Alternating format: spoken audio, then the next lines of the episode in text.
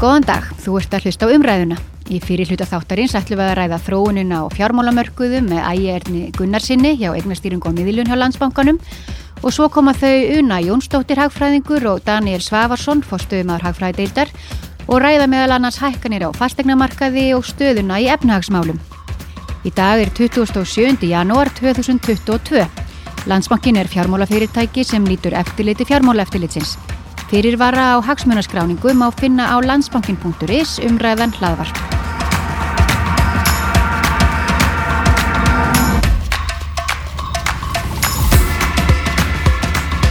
Velkomin aðeins. Takk.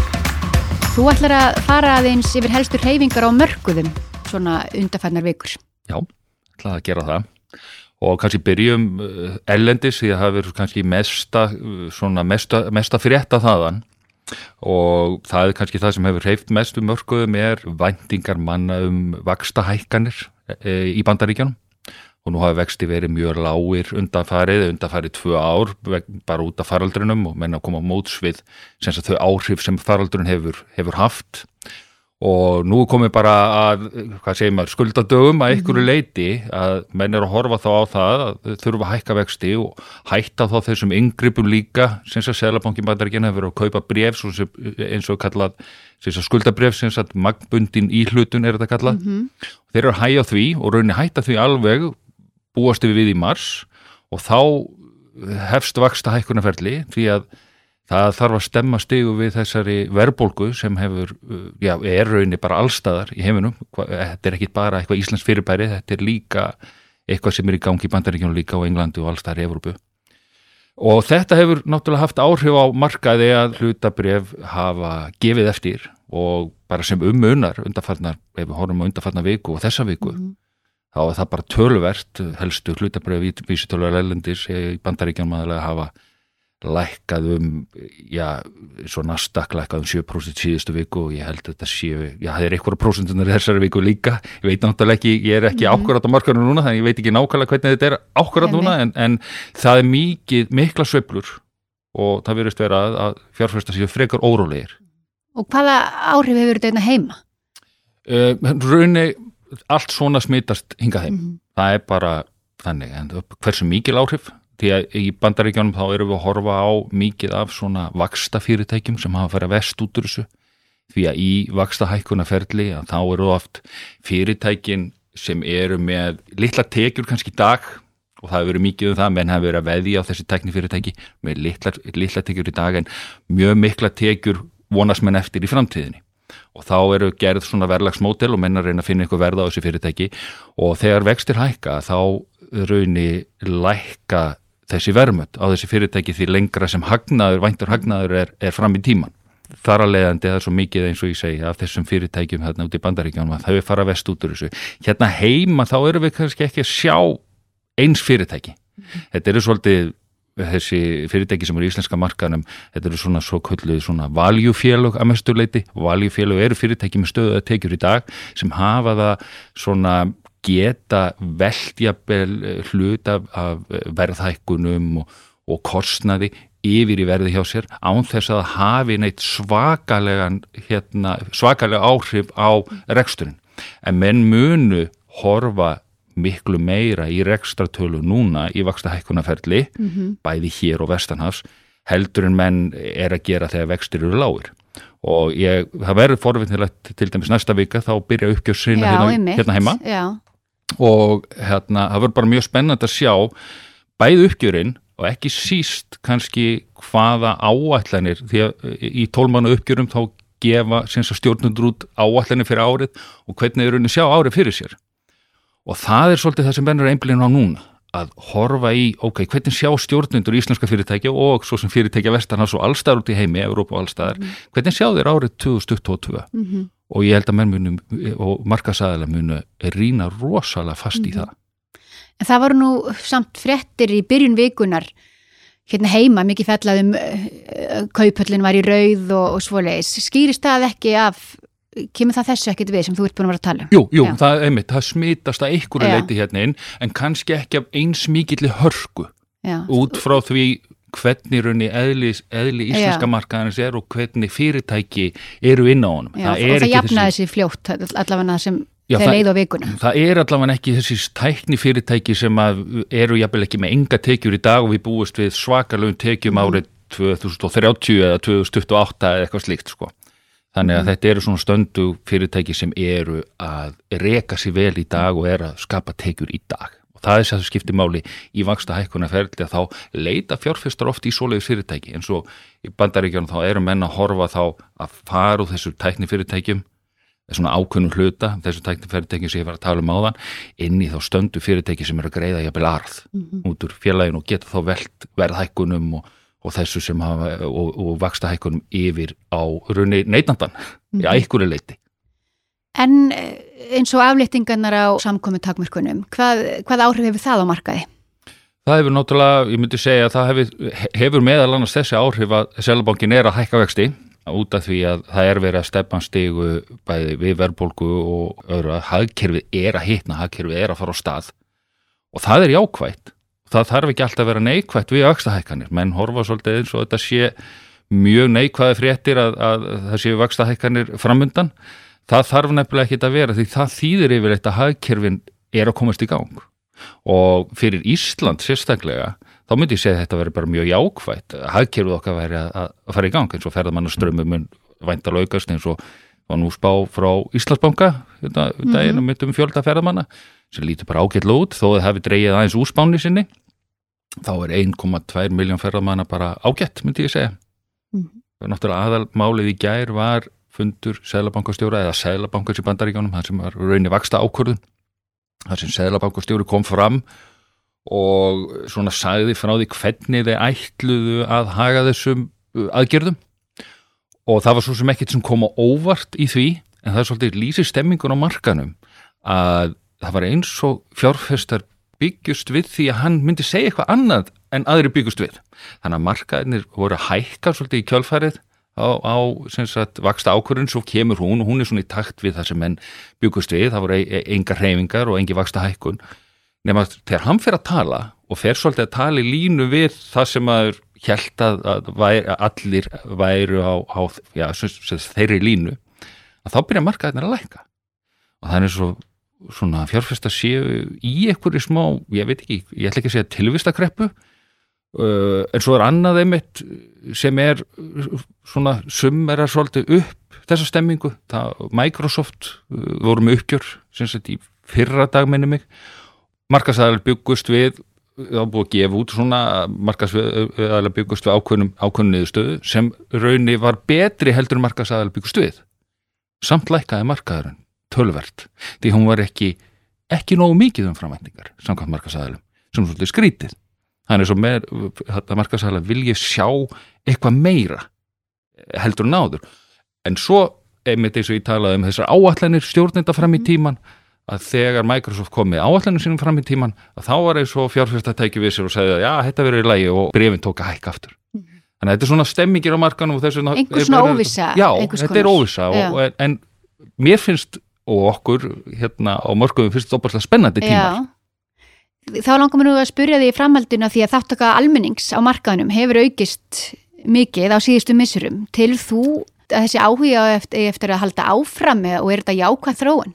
uh, já og já bara, myndi ég segja Ok. uh, ég segi það markaðurinn samastendur af því fólki sem er þar Mm og því fleiri sem Mhm. eru þar Einmitt. þeim mun svona dýnamiskri verður markaðurinn og ég sé alveg breytingu bæði hér heim og ellendis á bara markashegðuninni og þetta er bara eins og demografía fyrir ekki að í sletti að, að raunni sko þegar bara, hvað segir maður, fjölmenning og annað þetta skapar svona meiri dýft Myndi ég segja. fjölbreytileikin á, á, heima já, á mörkuðum eins og allstar annar staðar. algjörlega Já, og þetta er bara mjög jákvæð þróun og ég held hún eigi bara eftir að halda áfram því ég held áhugi fólk réttilega á hlutabrjöfum séu aukjast og muni bara halda áfram aukast Mér langaði einnig að spyrja þið um yfirvóðandi orkuskortur og möguleg átök í Úgrænu. Verður verfið að þetta hafi mikil áhrif á markaði? þetta er alltaf umræðefni Já. og það er allstað þar sem hún kemur þá er þetta umræðefni og eins og talar um orkuskort eins og orkuveri í Evrópu þetta er náttúrulega bara í, sögulegum hæðum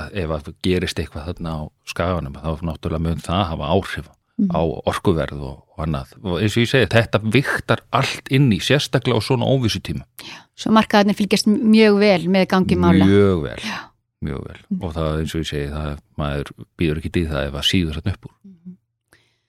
En eh, salan á eignan hluti ríkisjós í Íslandsbanka, hvað er eitthvað að frétta af því? Viltu eitthvað að ræða það?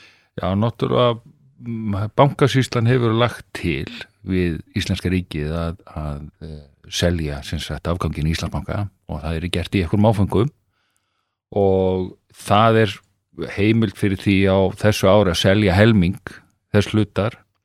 Og það má alveg búast við því að það fara að bresta á og þannig að það veri afgreitt. Já, hversu fljóðlega veit ég ekki en ég sé það á, til dæmis og við hefum séð það á markanum að fjárfyrstar eru farnir að undirbúa mm.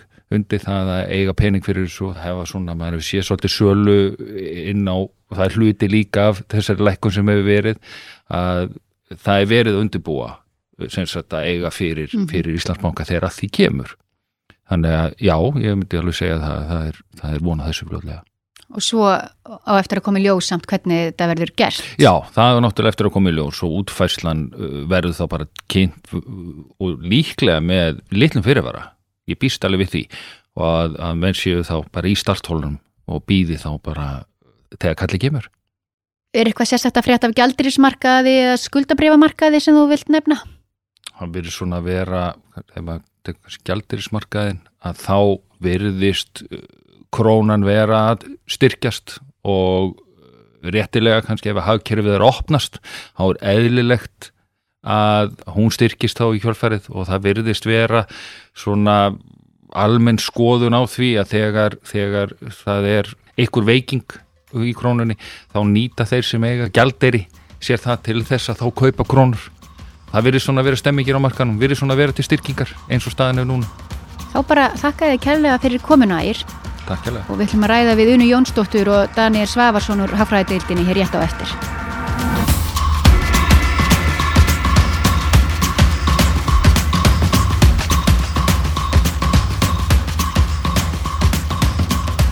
Velkomin bæði tvö. Takk.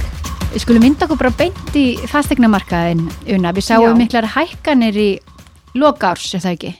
Jú, það, við sáum það byrtust núna fyrir stuttu tölur um hækkun í desember upp á 1,8% millir mána sem var nú bara freka mikil hækkun. Hérna, þetta er mesta hækkun sem við höfum séð síðan í april í fyrra og svona tölur fyrir mánaðu bent til þess að markaðan væri kannski eitthvað farin að róast mm. En eh, allavega þessi mæling sínir að það er ennþá talsöru kraftur í íbúðmarkaðanum. Þetta, var þetta semst meiri hækkun en þið áttu vona á? Eða? Já, má ekki segja það. Jú, þetta var nú tölværs meira en við varum að rekna með sko. sko. En, en ef við skoðum ári í heil þá er það hins vegar að koma út bara svipumstað og við spáðum þegar við gáum út uh, þjóðs- og verðbólkusspá í oktober.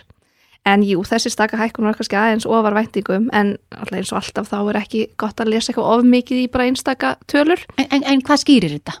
Ég held að þetta sé bara ennþá það að það sé bara mjög mikil eftirspyrna þrýstingur enn til staðar á markaði. Sjáum það að sölutími stuttur, það er hátt hlutvall sem selst yfir ásettu verði. Þannig að þessi, þessi eftirspyrna þrýstingur sem við já, töldum líkur á að myndi fara mingandi er ennþá talsverður. Uh, Sælabankin er byrjaður að hækka vexti. Það er svona við telum líkur á það að myndi slá eitthvað á eftirspyrnina. Kanski þarf bara meira til þar til þess að kæla allavega íbúðmarkaðin. Þú samála þessu Daniel? Já, ég, ég held að svona uh, á komandi mánum munum við sjá markaðan kólnað. Ég held að svona vaksta hækkannar fara að býta og við erum farin að sjá að veldan hefur dreigis mikið saman. Mm -hmm.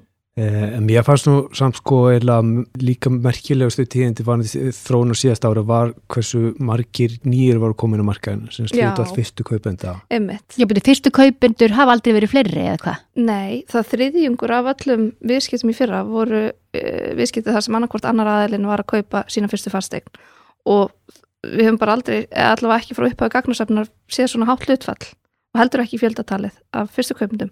Það er svona bendir til þess að aðstæður séu svona þokkarlegar ef að, ef að fólk á auðveldara náður kannski að komast inn á markaðin, ég veit það ekki. Þetta er allavega svona ákveðin vísbendingum að, að staðan sé ekki svo hrikaleg, heldur ekki að við skoðum raunverðstróuna, raunverðið hækkað um 10% svona jafnaði milli ára. Ég held að hafi sexinum gerst frá aldamótum að raunverðið hækki yfir 10% þannig að það var ekkit svo brjálað. Þó nafnverðið hafi hækkað talsvert. En það er bara því að verðbólka er talsvert um þessa myndir En þið eigið þá vona á að það mun aðeins róa yfir fastegnamarkaði á næstunni. Við sjáum það náttúrulega Sælamokkinni byrjar á, á vaksta hækkuna ferli, það, það er hérna, eru fleiri vaksta hækkunni framöndan og Hvenar næsta? það er næsta vaksta ákvörðin í Sælabankunni er núna 9. februar Ok. og við erum ekki búin að byrta neina stýrivist að spá en ef við skoðum bara þróun og skuldabriðamarkaði þá hefur svona þróun á, á áslunarkörðinu bendi til þess að markasalega sé að búast um 50 púnta hækkun núna næst og jafnvel 50 til viðbútar og næsta fundi eftir það. Þannig að markasalega verðast vera að búa svo undir til dæla hraða hækkun vaksta og það er hægt við að það muni kæla markaðin fljótt. Og við höfum verið að sjá talsvægt mikla breytinga á samsetningu lána líka. Mhm. mm var ekki Já. vorum helmingu lána komin á óvertrið vexti núna Jú, jú, sérska helmingur af öllum útistandandi lánum eru núna óvertrið sem er mikil breyting frá því sem að verið hefur á síðust árum Og er það á föstum vöxt, vöxtum eða? Uh, við sjáum mikið af uh, semst, nýjum íbúðalánum eru að miklu leiti á föstum vöxtum og það andla bara sýnir okkur það að fólk gerir ráð fyrir herri vöxtum og vil svona tryggja sig gegn því með því að festa vexti þá til tryggja eða fimm ára. Hvenar er von á eh, næstu stýrivaksta spá hjá ykkur, Daniel? Eh, Við komum með stýrast spá strax eftir helgi, við að, við viljum gerna fá að sjá uh, verðbólgutöluna sem kemur á morgun. Uh, verðbólgan í desember, hún var að mælast 5,1%, hún var að auka svolítið millir nóvambur og desember mánar, hún var 4,8 í, í nóvambur og 5,1 desember. Núna er svona ástegabundin áhrif að kikkin í janúar, það eru útsölu áhrifin svo kalluðum og við erum að gera ráð fyrir að verðbólgan ástaktunum hjaðinu aðeins, hún lækki í 5% en eh, til dæmis ef við fengjum óvænta tölu að verðbólgan myndi til dæmis aukast e, þá er eigu það líkunar á því að Sælbankin muni taka svona frekar skref í hækumvaksta og þá frekar stærri heldur minni ef að þeim um e, meira sem að til með þetta verðbólguþrýstingur sé. Og verðbólgan er svona, að segja, þetta er aðal þemað á mörgum í dag, bæði hér, hér á Íslandu og Erlendis. Það búið að vera mikið rót á mörgum núna vegna uh, væntinga um, um hvað muni gerast í bandaríkjónum eins og við fórum að leifir hérna áðan. Já, einmitt, ægir fóruð hans yfir það. Já, og það er sjálfsög kannski hefur smá áhrif á, á marka hérna heima líka. En uh, við vorum svona í oktober spánu okkar þegar við byrtum svona þryggjársspá og þá vorum við svona að gera ráð fyrir að, að vextir eru hækkar til dæla litlum skrefum en það er hækkun eiginlega á hverjum einasta fundi nefndar hann næst eitt og hálft árið um 25 púnta en, en eftir því sem að verðbólkan kemur meira óvart upp á við þar sjáum við meira heldur en kannski væntingastofu til um að þá er kannski líklega að peningastöfnendin ákveða að taka þá stærri skref kortaveltan í desember áhugaverð. Mm -hmm. Una, þú kannski segir okkur aðeins bara því. Já, við sáum það, við fengum þarna nýtt afbrið veirunar bara rétt fyrir jól og, og svona einhverjar hertar samkomintakmarkanir. Þá hafði það nú lítil áhrif á neysluna, svona heilt yfir allavega. Þá var kortavelta Íslandinga bæði hérna innan lands og erlendis meiri heldur en á sama tíma árið 2019 og við náðum meira að segja eða meirur sko á veitingastöðum með fast verðlag heldur en við gerðum 2019 þegar það var náttúrulega miklu lengri opnurnatími og þess aftar. En hins vegar þá var samdráttur til að mynda já, í, í kaupum á þjónustu menningar, starfsemi tónleika og þess aftar. Eh, en svona heilt yfir þá var bara nokkuð sterk kortavelta í desember og ef við skoðum bara fjóruða ásjónungu heilt þá jógst kortaveltan um held ég eitthvað 19% milli ára sem að gefur okkur uh, vísmyndingu um að enganeyslan verði nú bara mjög sterk á fjórðarsfjörðingi Já, Og svona, eh, nú er að losna um eh, fjölda eh, takmarkanirnar og svoleiðis. Hvaða áhrif mun það hafa? Þetta er náttúrulega eins og á tölunum fyrir desember að þá þrátt vera ómikrum afbreyð að koma þarna og þá voru innleita nýjar takmarkanir á ný þróunni bæði hérna heima og Erlends hefur sínt okkur að að við erum byrjað að læra að lifa með veirunni. Mm, Mm. Þetta er ekki að hafa sömu áhrif þessi, þessi, þegar það settar á takmarkanir aftur, þetta er ekki að hafa sömu áhrif á nýslu og, og hegðun okkar eins og eins og var að gera til dæmis fyrir ári síðan. Og svo er, er kannski komið ljósa að þetta, þetta bráð smitandi afbriði út af því að það er svona tiltölu að veikt að Mhm. þá er það kannski bara blessun í dulagerfi að, að við komumst á fyrir út úr þessu. En Mhm. eins og við erum að sjá svona þróuna bara á fyrsta mánu ásins að það bendir ímislegt allt í þess að við séum að, að vera fyrir tiltöla litlum áhrifum svona þjóðarslega séð. Mun þetta breyta eitthvað ykkar fyrir spám núna þegar svona e, fólk eru orðið bjart sýtna um að þetta sé að hérna, enda? Ekki kannski einhverju rótaka breytingar en, en kannski það sem við verðum að segja, jú, fara þjónustan að fara aðeins fyrir að staða þessu ári heldur en við vorum að kannski reikna með og í oktober undan því að hérna, þá sáum við ekki alveg fyrir þetta nýja afbrið en við reiknum hins vegar með því að, að krafturum verður bara þeimur meiri upp úr páskum þegar að við erum komin út úr þessu. Mm -hmm. þannig að fyrir árið í hilda að þá held ég að svona horfurnar séu eh, svipar, við erum að reikna með 5% hafugsti á þessu ári. Hvað var að ferða manna fjöldan eh, það hefur verið svolítið umræðin í dag. Veist, við vonum að reikna með um, að við gætum sér alltaf eina og halva miljón ferða manna þessu ári. Við verðum það er kannski aðeins í bersýtni kantinum með við hérna þróna það sem aðver ári en, en ekkit ómögulegt sko. Nú sáum við á síðast ári að hver ferðamæður var að eigða meira en hann hafði áður gert en þið tali núna um að það hafi dreyið úr neistlu aukningu erlendra ferðamanna. Útskýrið það eins Já, er, eru ekki bara að fá fjölbreyttar í flóru eftir því sem að framvindur þá fengum við ekki fyrst svona ferðamenn sem að Jú, þetta, og... fyrst og fremst voru náttúrulega þeir ferðarmenn sem komu meðan að faraldur stóð sem hægst að þeir voru að stoppa lengur já, já. en þeir voru líka eða meira svo eru örgulega líka eitthvað vesen, þú veist, með gögnin það til dæmis mikið að fjalla mm. Íslendingar sem voru búsettar ellendir sem komu heim til Íslands meðan ástandi var sem mest mm. og voru þá nota ellendu greiðslukorti sín og reiknaðist þá inn í, í velduna sem, sem útlendingar mm -hmm. þannig að það var líka eitthvað örgulega tölunar mm. en um, við erum semst að sjá í tölun núna að það er að draga úr þessi nýslu aukningu en hún er samt endistar, það er aðeins meiri hérna, nýsla perferð en meðal nýslan er aðeins, aðeins meiri mhm. heldur og, og það er líka á sama við um, um okkur íslingar sem förum út, við erum aðeins meiri heldur en við gerðum fyrir faraldur. Það er kannski bara einmitt eitthvað svona uppsöfnuð ferðarþörf, fólk gerir kannski svona aðeins betur við sig og það hefur ekki farið útlanda í langan tíma Atvinnuvegir virðast vera réttan okkur velur kútnum og komast kannski á sama stað og fyrir faraldur eða þið sjáuðu allavega vísbendingar um það ekki satt? Jú, hérna eh, virðsauka skatt skild velta úr atvinnugreina sínur okkur það svona heilt yfir þá, þá erum við kannski að svipa um stað og fyrir faraldur en það er mjög semt eftir atvinnugreinum. Það eru þetta þessar sem eru svona hvað tengdastar ferðarþjónustu sem að eiga en þá svolítið í land það rekstur gististaða og ferðarskrifstu og þess aftar en jú, það er aðtilsvægt að sjá það að til dæmi smásala hefur bara uh, silt nokkuð vel í gegnum þennan faraldur og mælist bara nokkuð sterk. Og hérna Já, raun og koma út í pluss Já, jú, jú, mér finnir það.